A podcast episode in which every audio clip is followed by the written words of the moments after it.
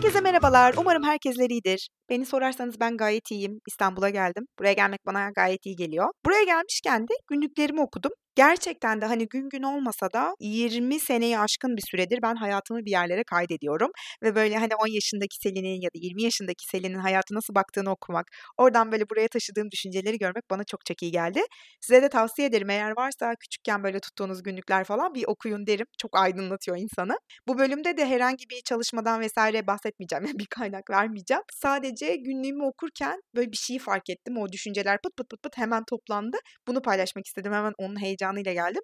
Ama zaten de hani bu kadar okuyorum, ediyorum, işte terapiler alıyorum bilmem ne yani benim de kendime ait bir takım düşüncelerim olsun artık dedim ya. Neyse hemen bu günlüğümde okuduğum şeyi bir anlatacağım. Bir şey almışım, kazıklanmışım. Yani biri beni kazıklamış artık neyden dolayı ben de bilmiyorum ama eve gelmişim.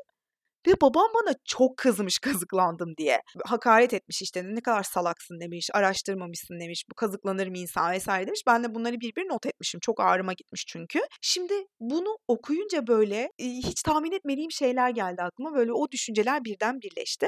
Eğer hani siz de benim gibi çok eleştirel bir ailede büyüdüyseniz belki sizde de vardır bu gibi şeyler. O yüzden hani bu bölüm belki size de yardımcı olur. Umarım yardımcı olur.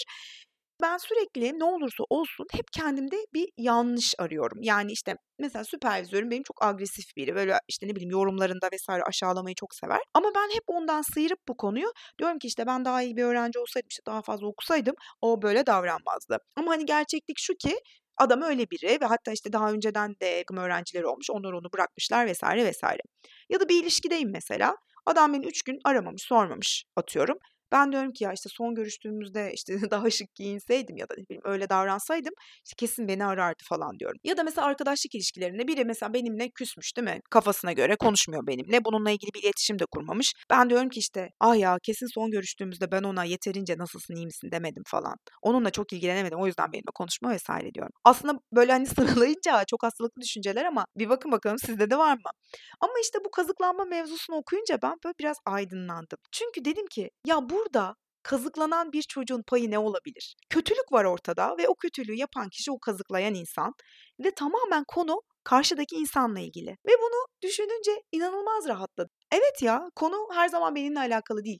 Konu bazen de karşıdaki insanlarla alakalı. Bazen onlar sorunlu, bazen onlar hatalı, bazen onlar eksik yani. Her zaman ben değilim hatalı, eksik ya da ne bileyim oradaki sorunlu hareketi sergileyen kişi. Ama bunu böyle bir sarkaç gibi düşünün. Mesela bu bahsettiğim sarkacın bir ucu. Her konuda kendimi sorumlu tutmak. Sarkacın diğer ucunda da ne yaparsam yapayım yani başıma ne gibi kötülük gelirse gelsin, ne olursa olsun ya hayat bana adil davranmamıştır, ya insanlar zaten hak yerler, patronum kötüdür, iş zaten çok zordur, o kız zaten beni çekemiyordur falan falan.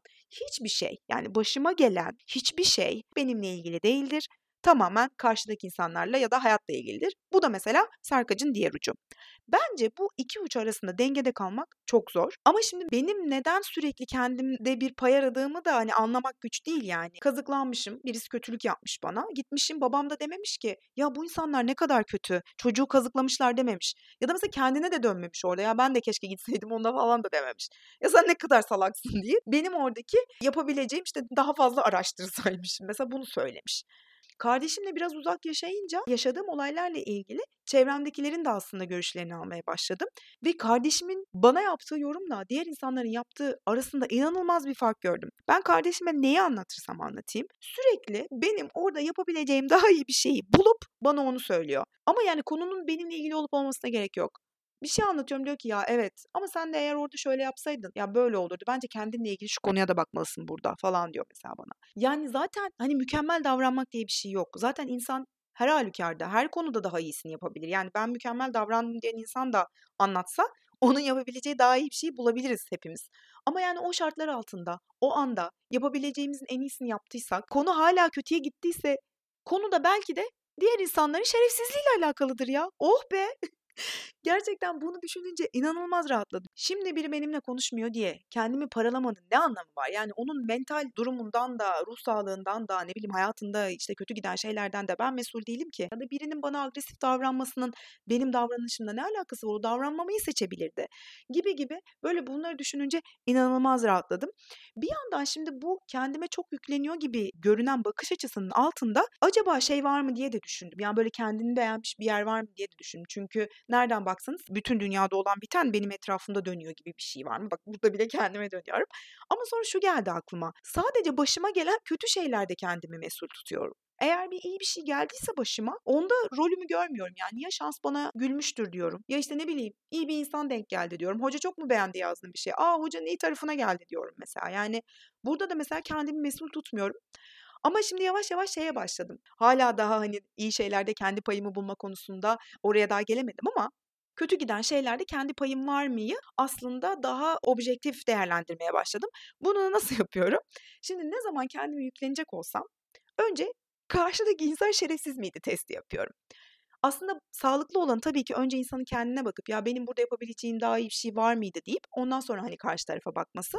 Ama ben zaten böyle bir soruyu sorsam kendime kendimi suçlu çıkaracağım için en azından bu şablonu bozmak için bu mindset'i birazcık değiştirmek için hemen karşıdakini aslında sorguya tutuyorum. Ki bunu da şey gibi düşünüyorum. Sanki arkadaşım bana bu olayı anlatmış da orada hani arkadaşımın bir payı var mıydı ya da karşıdaki nasıl gibi bir yerden bakıyorum. Karşıdaki insan şerefsiz miydi testine tabi tutuyorum.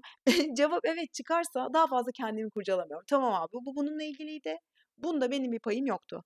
Ben orada elimden geleni yapmışım ve karşıdaki insan böyle davranmayı seçmişse oh be konuda her zaman benimle alakalı değilmiş diyorum. Ve inanılmaz rahatlıyorum. Yani birazcık zor oluyor ama galiba böyle hani yavaş yavaş kendimi sevmeye başlıyorum diyeyim. Umarım size de faydalı olur. Teşekkürler dinlediğiniz için. Hoşçakalın.